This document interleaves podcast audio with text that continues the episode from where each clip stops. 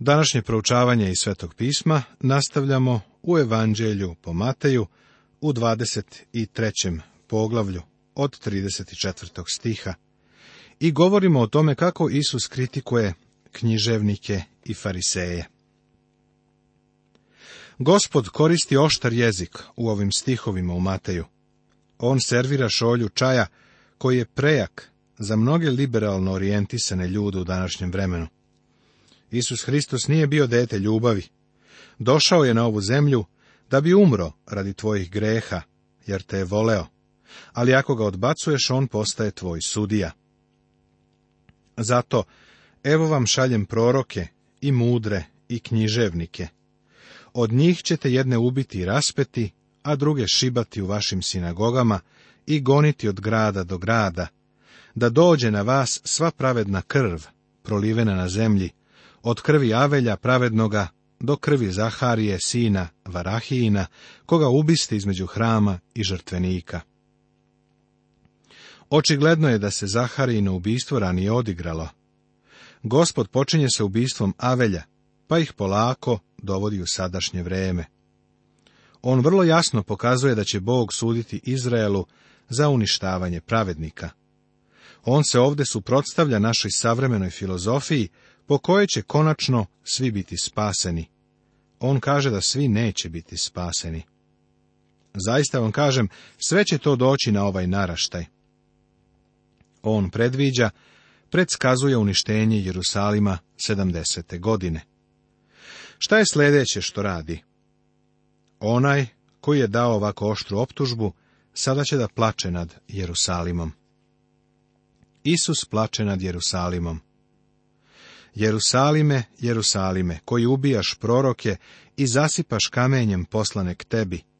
Koliko puta htedoh da skupim tvoju decu, kao što kvočka skuplja svoje piliće pod krila i ne htedoste. Evo, ostavlja vam se dom vaš pust. Jerusalim ga je odbacio kada je triumfalno ušao, pa je i on odbacio Jerusalim, ali sada Isus plače nad gradom. Da, on ih je otužio, ali ih voli. A znajući sud koji mora doći, on plače. U doba propovednika Dvajta Mudija neko je izjavio da je on bio jedini živi čovek koji je trebao da propoveda o paklu, jer je on to činio sa velikim sažaljenjem i osjećanjem.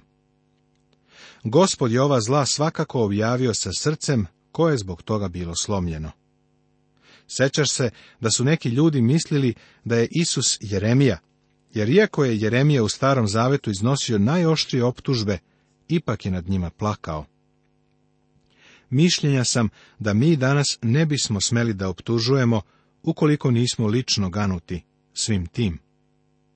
Nego vam kažem, od sada me nećete vidjeti dok ne rečete, neka je blagosloven koji dolazi u ime gospodnje.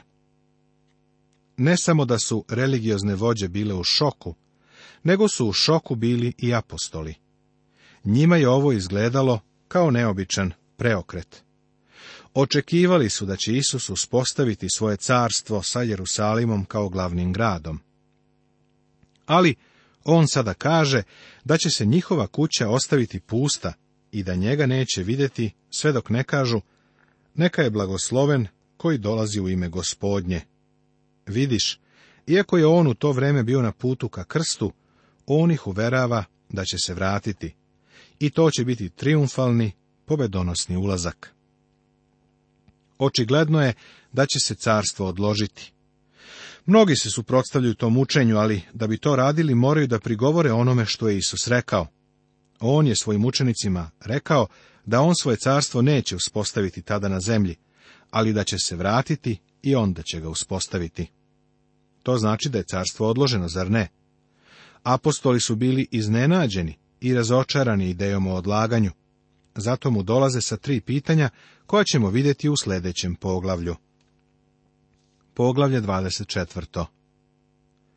Tema Učenici postavljaju Isusu tri pitanja i on odgovara na dva o znaku kraja vremena i o znaku njegovog dolaska. U Mateju 24. i 25. poglavlju poznatijim kao propoved na Maslinskoj gori, Isus čini posljednji od tri velika govora u Evanđelju.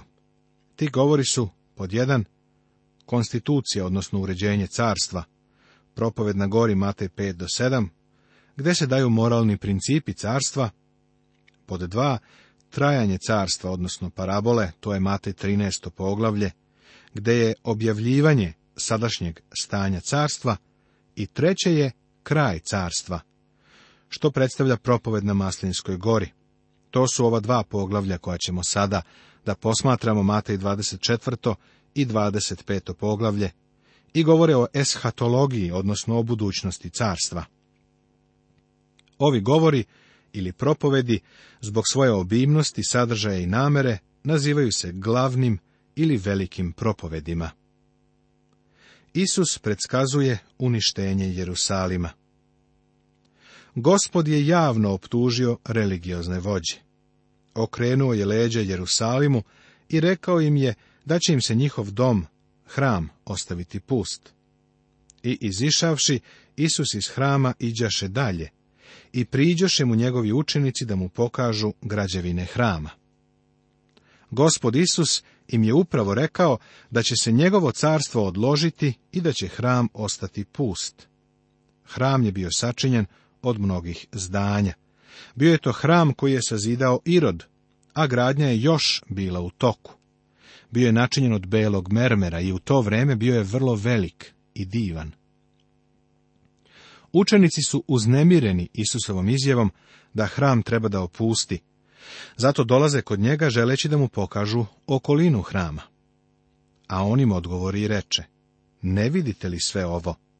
Zaista vam kažem, neće se ostaviti ovde kamen na kamenu, koji se neće porušiti. Ne vidite li ovo? Učenici su mislili da su vidjeli, pa ga mole da i on pogleda. A on im kaže, da li stvarno to vidite? U našem savremenom društvu dobro bi bilo da se razmotri ovo pitanje. Da li stvarno vidimo svet oko nas? Kada smo moja supruga i ja prvi put došli u Južnu Kaliforniju, svakog ponedeljka koji je bio moj slobodni dan, provodili smo u razgledanje fantastičnog mesta. U to vreme je to bilo fantastično mesto, pre nego što su skoro svi na svetu poželjeli da se baš tu skrase i nasele. Mi smo se divili jednom za drugim divnim mestima i ja bih posle toga rekao svoje ženi. Ali mi ovo ne vidimo stvarno onakvo kakvo je, jer sve ovo je pod Božijom osudom. Sve ovo će proći. Prijatelju moj, svi ti kulturni centri, sve te velike škole, neboderi, veliki gradovi koje vidimo, sve će to jednog dana nestati. To ne deluje moguće i baš tako su mislili i njegovi učenici. Isus je nastavio rečima, Neće se ostaviti ovdje kamen na kamenu koji se neće porušiti. Ako ih je njegova prva izjava ostavila u šoku, ova ih je sigurno traumirala. Kada sam pre nekoliko godina bio na zidu plača u Jerusalimu, turistički vodič je pokušao da moju pažnju privuče na to kako se kamenje pohabalo zbog ljudi koji su ovdje godinama dolazili da plaču i tuže. To naravno nije imalo nikakvu vrednost ali ono što me je impresioniralo, bilo je to što je zid bio konstruisan od mnogo vrsta kamenja. Istorija nam kazuje da je zid plača sačinjen od kamenja koje potiče iz različitih građevina u različitim periodima. Na vrhu hrama, koji je očito bio na uglu hrama, nedavna iskopavanja su otkrila isto. Tu je postojalo različito kamenje iz različitih doba. Šta to znači? Prijatelju, to znači da nijedan kamen nije ostao na kamenu. Graditelji su morali da idu i sakupljuju kamenje sa različitih mesta, jer je 70. godine naše ere Tit stvarno porušio taj grad. Iako ovo za nas predstavlja drevnu istoriju, to je za učenike bilo šokantno otkriće. Siguran sam da su o ovome razgovarali, a onda su sa tri pitanja došli kod Isusa. Kada je pak sedeo na Maslinskoj gori, priđaše mu učenici nasamo govoreći, kaži nam kada će to biti i šta je znak tvoga dolaska i svršetka sveta. Kada će to biti? Kada to kamen na kamenu neće ostati. Šta je znak tvoga dolaska? Odgovor na ovo pitanje nalazimo u stihovima od 23. do 51. Šta je znak svršetka sveta? Odgovor na ovo pitanje nalazimo u stihovima od 9. do 22. Gospod Isus će odgovoriti na ova tri pitanja, a mi njegove odgovore nazivamo propoved na Maslinskoj gori, jer se odigrala na Maslinskoj gori. Isus odgovara na pitanja učenika. Na prvo pitanje, kada će to biti? Kada se kamen na kamenu neće ostaviti, nije dat odgovor u Matejevom evanđelju. Nalazimo ga u evanđelju po Luki, a delove pronalazimo i u Markovom evanđelju. Zašto se ne sadrži i u Matejevom evanđelju? Jer je Mataj evanđelje carstva. Ono nam predstavlja cara. Razorenje Jerusalima 70. godine naše ere povezano je sa dobom u kome mi živimo, ali nema ništa sa dalekom budućnošću kada car bude došao. Prema tome, Matej ne daje taj deo propovedi na Maslinskoj gori. Da pogledamo kako je gospod u Lukinom evanđelju odgovorio na ovo prvo pitanje. A kad vidite da je vojska opkolila Jerusalim, onda znajte da je blizu njegovo opustošenje. Tada stanovnici Judeje neka beže u gore, koji budu u gradu neka iziđu napolje, a koji budu u polju neka ne ulaze u grad, jer su ovo dani osvete, da se ispuni sve što je napisano. Teško trudnim ženama i dojiljama u te dane, Biće naime velika nevolja na zemlji i gnev na ovom narodu. Pašće od oštrice mača i odvešće ih u ropstvo po svim narodima, a mnogobošci će gaziti Jerusalim dok se ne ispune vremena mnogobožaca. Ovo je zapisano u Evanđelju po Luki u 21. poglavlju Svetoga pisma Novog Zaveta. Nesumnjivo je da su mnogi od onih koji su čuli da gospod Isus ovo govori, bili prisutni i 70. godine, kada je rimska vojska opkolila grad, postavila opsadu, odsekla grad od ostatka sveta i na kraju provalila zid i ušla u grad. Bilo je užasno ono što su Rimljani uradili. Uništili su grad. Bilo je to najgore uništenje u njegovoj istoriji, strašniji od onog koji je učinio Navuhodonosor, previše od šest vekova.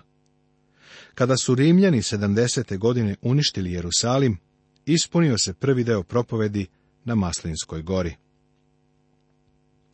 Sljedeća dva pitanja učenika su ova. Šta je znak tvoga dolaska i svršetka sveta, odnosno doba, vremena? Gospod će na ova pitanja učenika odgovoriti hronološkim i logičkim redom. Prvo će odgovoriti na njihovo posljednje pitanje, a na drugo pitanje će odgovoriti na kraju. Prvo, čime se Gospod bavi, jeste znak kraja sveta, ili preciznije rečeno vremena. Svet nikada neće doći do kraja, neće se okončati. Stari svet će proći, ali će nastati nova zemlja. To će biti slično onome kao kada stara kola menjaš za nova. Nemoj mi reći, ovo je za mene kraj ere kola, više nemam kola. Ti imaš kola, jer si stara zamenio novim. Tako će i gospod stari svet zameniti novim. Svet se nikada neće okončati. Ali nastupit će kraj vremena, doba, i to je reč koju učenici koriste dok Isusu postavljaju pitanje. U propovedi na Maslinskoj gori kada Hristos govori o svom dolasku, on ukazuje na svoj povratak na zemlju i uspostavljanje njegovog carstva. U tom prikazu nema crkve. U stvari, na kraju vremena, crkva će biti uklonjena, odnesena i to će biti posljednji dani izraelskog naroda. On govori o dobu velike nevolje i tako ga i obeležava u svojoj propovedi. Isus navodi karakteristike ovoga doba. I odgovori Isus i reče im, gledajte da vas kone zavede. Izraz gledajte da vas kone zavede je obeležje celog tog doba. Gospod daje ovo upozorenje, jer će biti mnogo prevare, posebno u doba velike nevolje, kada će se pojaviti Antihrist. Apostol Petar nas u drugoj Petrovoj poslanici u drugom poglavlju upozorava, a bilo je i lažnih proroka u narodu, kao što će i među vama biti lažnih učitelja, koji će unositi ubitačne jeresi i poricati gospodara koji ih je iskupio, navlačeći na sebe brzu propast. Ne treba da brinemo zbog lažnih proroka, jer ako iko počne da prorokuje u našem dobu, mi hrišćani možemo da ga oduvamo sa scene, jer proroci nisu za ovo doba. Međutim, treba da se čuvamo od lažnih učitelja, a njih je baš dosta oko nas. Moramo ih provjeriti kroz sveto pismo. U jutrošnjoj pošti dobio sam pismo koje ilustruje ovu činjenicu. Pismo potiče od jedne žene koja ima značajnu poziciju u jednom osiguravajućem društvu. Ona je pisala o njenoj dobronamernoj prijateljici, koja ju je upoznala sa jednom sektom. Nakon što je sa prijateljicom godinu dana išla u tu sektu, čula je naš radio program i biblijsko poučavanje, pa ju je sveto pismo podstaklo da uvidi greške u toj sekti. Zatim ona piše o tome kako su ona i cela porodica krenuli u jednu dobru crkvu koja se nalazi u njenom kraju. Prijatelju, moramo se čuvati lažnog učenja. U našem vremenu ga ima mnogo. Gospod upozorava, gledajte da vas ko ne zavede. Jer će mnogi doći u moje ime govoreći, ja sam Hristos i mnoge će zavesti. Pred kraj vremena mnogi će tvrditi da su oni Hristos. I danas imamo takve ljude. Jedan čovjek je u Severnoj Kaliforniji uspostavio neki sveti grad i očekivao da svakog trenutka bude pozvan u prestonicu da reši probleme sveta. Na licu zemlje ne postoje sveti gradovi, ali jednoga dana gospod će iz svetinje na svetinjama u nebu doći na zemlju i rešit će probleme. Treba da pamtimo da čak i danas ima mnogo antihrista, ali će na kraju vremena doći jedan antihrist koji će se suprotstaviti Hristu i postaviti se kao jedini vrhovni autoritet. Verujem da je naš gospod, gore na Maslinskoj gori, video kraj vremena i vreme velike nevolje, ali i da je na početku ove propovedi premostio taj jaz, dajući nam prikaz današnjeg stanja crkve. Shvatam da ima mnogo dobrih biblijskih učitelja, mnogo boljih od mene, koji također smatraju da je u stihovima od petog do osmog Isus govori o periodu velike nevolje. Pa ako ne želiš da se složiš sa mnom, bit ćeš opet u vrlo dobrom društvu. Međutim, moje mišljenje je da naš gospod ne govori o vremenu velike nevolje sve do stiha devetog ovog poglavlja. A šesti stih glasi ovako. A čućete za ratove i glasove o ratovima. Pazite, ne plašite se, jer to mora da bude, ali još nije kraj. Ratovi i glasovi o ratovima nikako nisu znaci da smo na kraju vremena. Gospod premošćuje taj jaz od tog momenta gde se nalaze učenici do kraja vremena.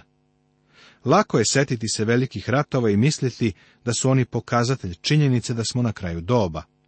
Ali oni to nisu. U proteklih nekoliko hiljada godina bilo je mnogo velikih ratova i samo par stotina godina mira. Kada sam na kraju Prvog svjetskog rata bio mali dečak, sećam se da sam slušao kako moj tata i drugi pričaju o knjigama koje su se štampale i objavljivale da je došao kraj sveta. Prvi svjetski rat doveo je do ovakvog načina razmišljanja. Ali nakon rata, širom sveta je nastupila velika ekonomska kriza, pa onda drugi svetski rat i atomska bomba. U to vreme ja sam bio pastir u gradu Pasadeni i u moje crkvi sam rekao da će sada doći puna kola knjiga koja će govoriti da se nalazimo na kraju sveta, na kraju veka, i to zbog drugog svjetskog rata. Znaš šta, nisam bio u pravu ne puna kola knjiga, nego dvoja puna kola knjiga su naštampana, a knjige su sve bile senzacionalne. Prevalili smo dug put od drugog svjetskog rata. Kraj sveta još nije nastupio. Treba da slušamo gospoda i da prestanemo da slušamo lažne učitelje. Čućemo za ratove i glasove o ratovima, ali ne treba da se brinemo, jer će se sve to desiti, ali još uvek neće biti kraj vremena. Prijatelju, Treba također da imamo na umu da čovek nikada neće rešiti problem rata. Liga naroda, Ujedinjeni nacije ne mogu rešiti ovaj problem. Liga naroda ne može rešiti ovaj problem, ani Ujedinjene nacije neće uspjeti da ga reše. Neće biti mira dok ne dođe knez mira. Jer će ustati narod na narod i carstvo na carstvo i bit će gladi i kuge i zemljotresa po raznim mestima, ali je sve to samo početak nevolja. Ovo su osobine celog doba, pa zato nisu znaci kraja doba, ali još nije kraj.